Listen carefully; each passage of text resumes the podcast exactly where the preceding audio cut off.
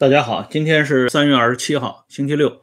我们今天啊，大家一起这个回顾一下义和团的故事啊。这个义和团这个故事呢，说起来特别有意思啊。大家看过那个老电影《神鞭》啊，那里边就讲了这个义和团的事情。而且义和团这个故事呢，它没有仅仅结束于清朝末年啊。后来呢，随着时间的发展和推移，这义和团的名字呢，不停的被更换。呃，一直到今天，我们在很多这个国家呀，很多地区都还能看到当年义和团英勇的那种身影，继续呢生根发芽，哎，植被呢也非常的广袤啊。这我们就不一一点名了。现在呢，我们先来说一下这个义和团，它到底是一个什么样的组织？为什么会有这么大的影响？哎，这个。据历史学者们啊进行考证，他认为这义和团，清朝的这个义和团，原来大家都知道它叫义和拳，后来改名叫义和团。这义和拳最初呢是被认定为清朝的白莲教的一支儿啊，这是这些主张镇压义和拳的人提出的这么一个观点。后来呢？就是给义和团和义和拳平反的时候，对这个观点呢进一步的升级了，因为啊，农民起义是推动革命和社会进步的主力嘛，所以这个呃，把义和拳算在白莲教这支上，那更是天经地义。但实际上呢，如果细分起来，这义和拳其实就是当时山东、河北啊，河北呢又叫北直隶。他们当地老百姓练的梅花拳啊，就是梅花拳，同时也叫义和拳。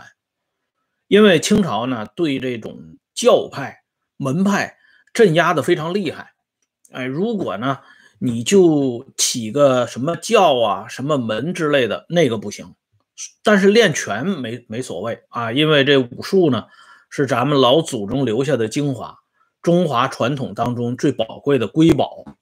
所以大家呢就管叫梅花拳，哎，这梅花拳实际上就是这义和拳，而且这义和拳呢，包括这梅花拳啊，它是跨组织的活动，它一方面呢跟这个大刀会啊啊这些人呃进行勾连，一方面呢跟这个白莲教、天理教勾连，它的基本教义呢是八卦教，所以如果严格的界定的话，义和拳。实际上是相当于八卦教的武术团体啊。这八卦教呢有文场和武场之分。这文场呢就是讲经说法啊，就传授他的这套理论。那武场呢就是练一趟梅花拳，然后讲这个刀枪不入，金钟罩铁布衫啊。这义和拳、梅花拳就是这么来的。他们呢是有一个八字真言。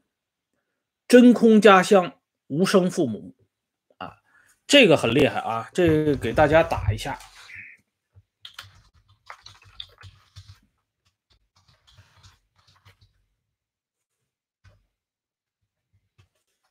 这八个字是这个八卦教的呃主要思想，也被义和拳完全给继承下来了。这真空家乡呢，就是四海四海为家啊。用今天的话讲呢，就是全球化，英特纳雄奈尔啊，共产主义大家庭就都有了啊。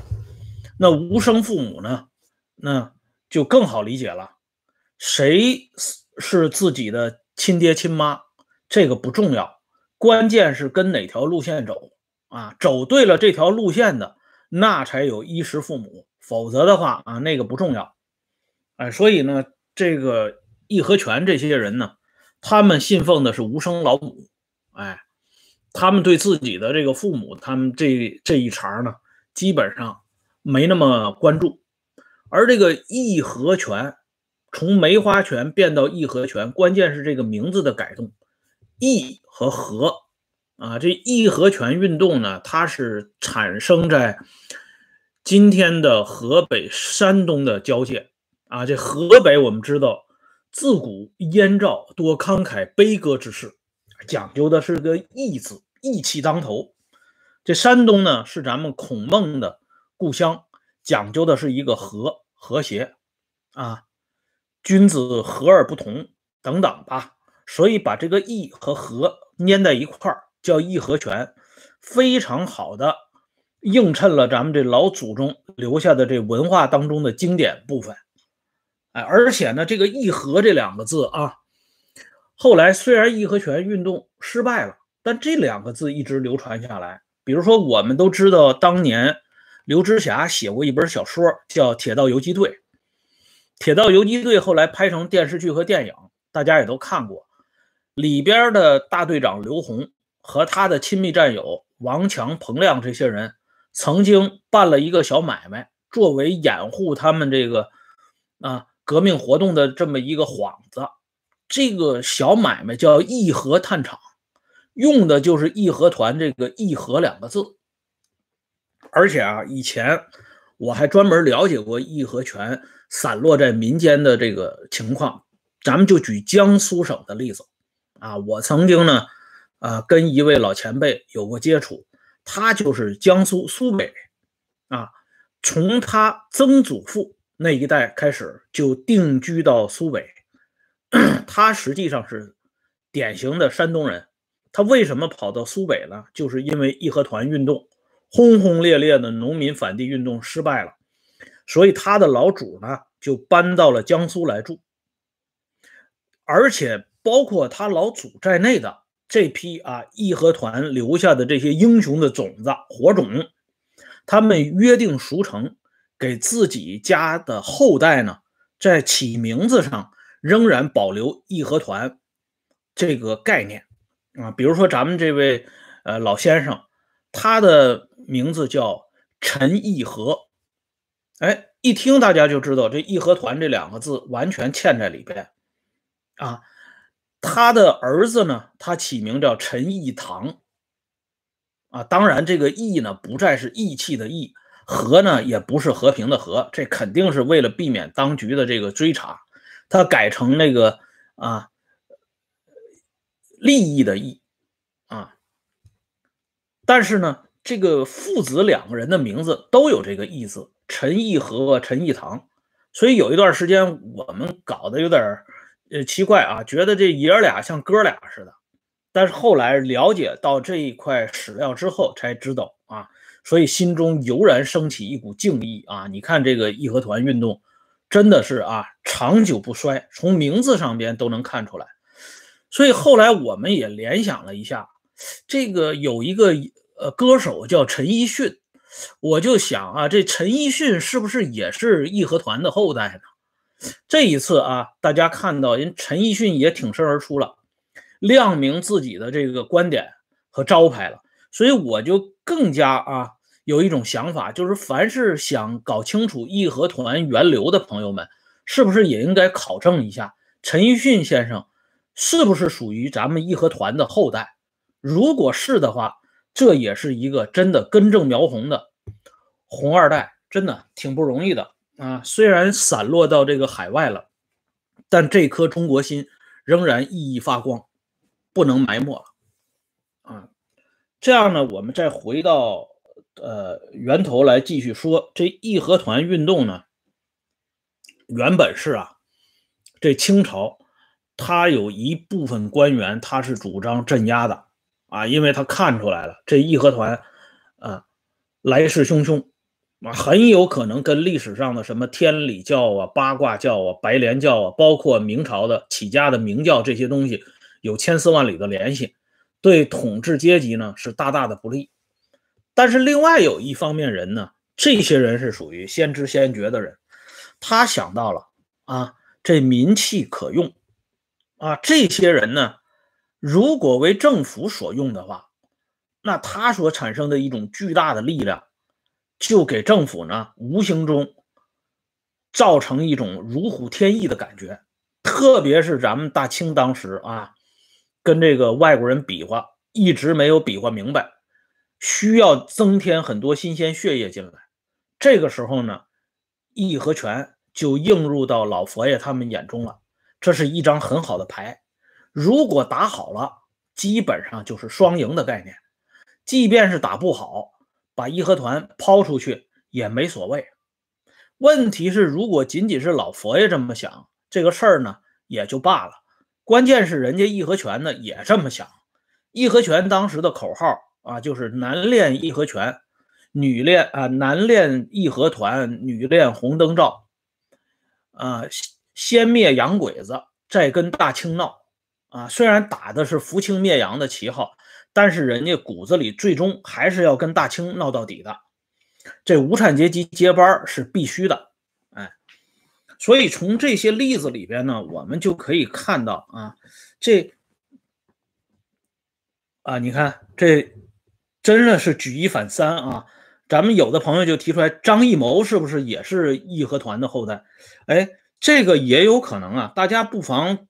展开这种想象的翅膀啊！这胡适先生不说吗？大胆假设，小心求证。咱们先得大胆假设，对吧？哎，这个朋友很聪明啊，一下子就说到点子上了。哎，因为比较这个陈奕迅来讲，张艺谋的力量似乎更大一些啊，牌子更亮一些。好了，咱们这还是说到刚才这个老佛爷和义和拳的话题。所以从义和拳的这个呃初始观点上，人家跟大清。组成联合阵线，人家最终的目的还是让红旗飘扬的，哎，让这个义和拳的大旗吹遍神州大地，因此呢，他们之间有了这么次联合。呃，有意思的是什么呢？就这个大清朝跟历史上的元朝和明朝这种加强中央集权统治的大一统王朝有一个很明显的区别啊。什么区别呢？就是你从这个他，呃，元朝走向衰亡和明朝走向衰亡的时候，这内乱啊，这个背景上边就能发现原因。这清朝啊，自从大清乾隆三十九年，山东王伦起义开始造反，他这种打着各门各派的这种教义的这种。造反活动呢，就是此起彼伏，比这元朝和明朝都激烈，而且来的更凶一些。这乾隆三十九年的王伦起义，基本上是属于被历史学者们认定终结了大清康乾盛世的一个标志性的事件。而王伦本身就是 梅花拳的拳师，也就是练义和拳的。他领导的这个起义呢，打的旗号是清水教，而后呢，在嘉庆元年开始的川陕白莲教大起义，以及嘉庆十八年的天理教起义，直接就打进紫禁城了啊！最后呢，到了清朝末年，又出现了太平天国起义啊，这拜上帝会又出来了一悠，最后呢，由义和团负责收尾。啊，又是这么一套东西，所以从王伦到后来的义和拳，我们就可以看到啊，这个各大教派的这种造反的行动，最终把这大清朝呢给送终了。哎，这是一个很有意思的现象。那换句话说呢，按照明代文化史的作者啊，就是学者商传。商传呢，他在写明代文化史的时候，给大家留下了一个重要的评断。这个评断就是说呢，《西游记》和《金瓶梅》出现在明朝中后期不是偶然的，因为这个统治阶级呢，进一步的勒紧法绳之后啊，就是加强了集权管控之后，这种民间文艺工作呢，基本是向两个方向倾斜。一个呢是玄幻作品，啊，玩神的，经常说一些虚无缥缈的神神鬼鬼的事儿。另一外，另外一方面呢，是是像这个床纸之间啊，纵深发展啊，就跟这个啊床上床下的这个工作呢有最直接的关系。所以，《西游记》和《金瓶梅》出现的背景就在这里。那么，沿着这个观点，我们就可以看到啊，清朝比明朝管得更严。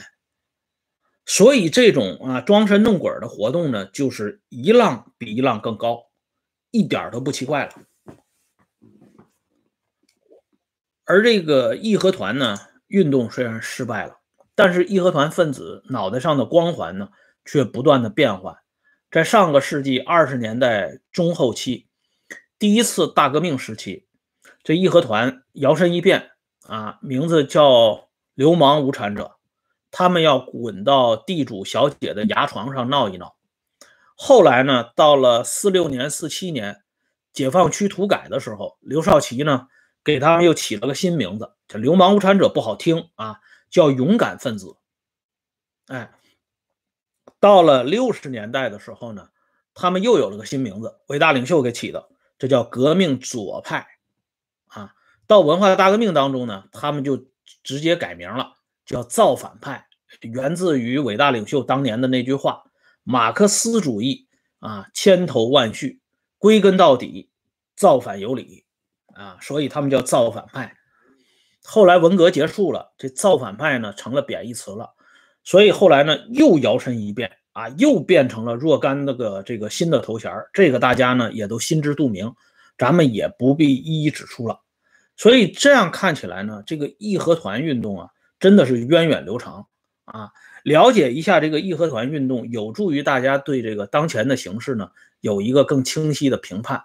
而且义和团呢，也已经不仅仅局限于这个啊咱们这个神州大地了，它已经就是走出国门了。现在全世界遍地都是义和团，义和团红灯照，那真的是啊，风风火火呀，啊了不得。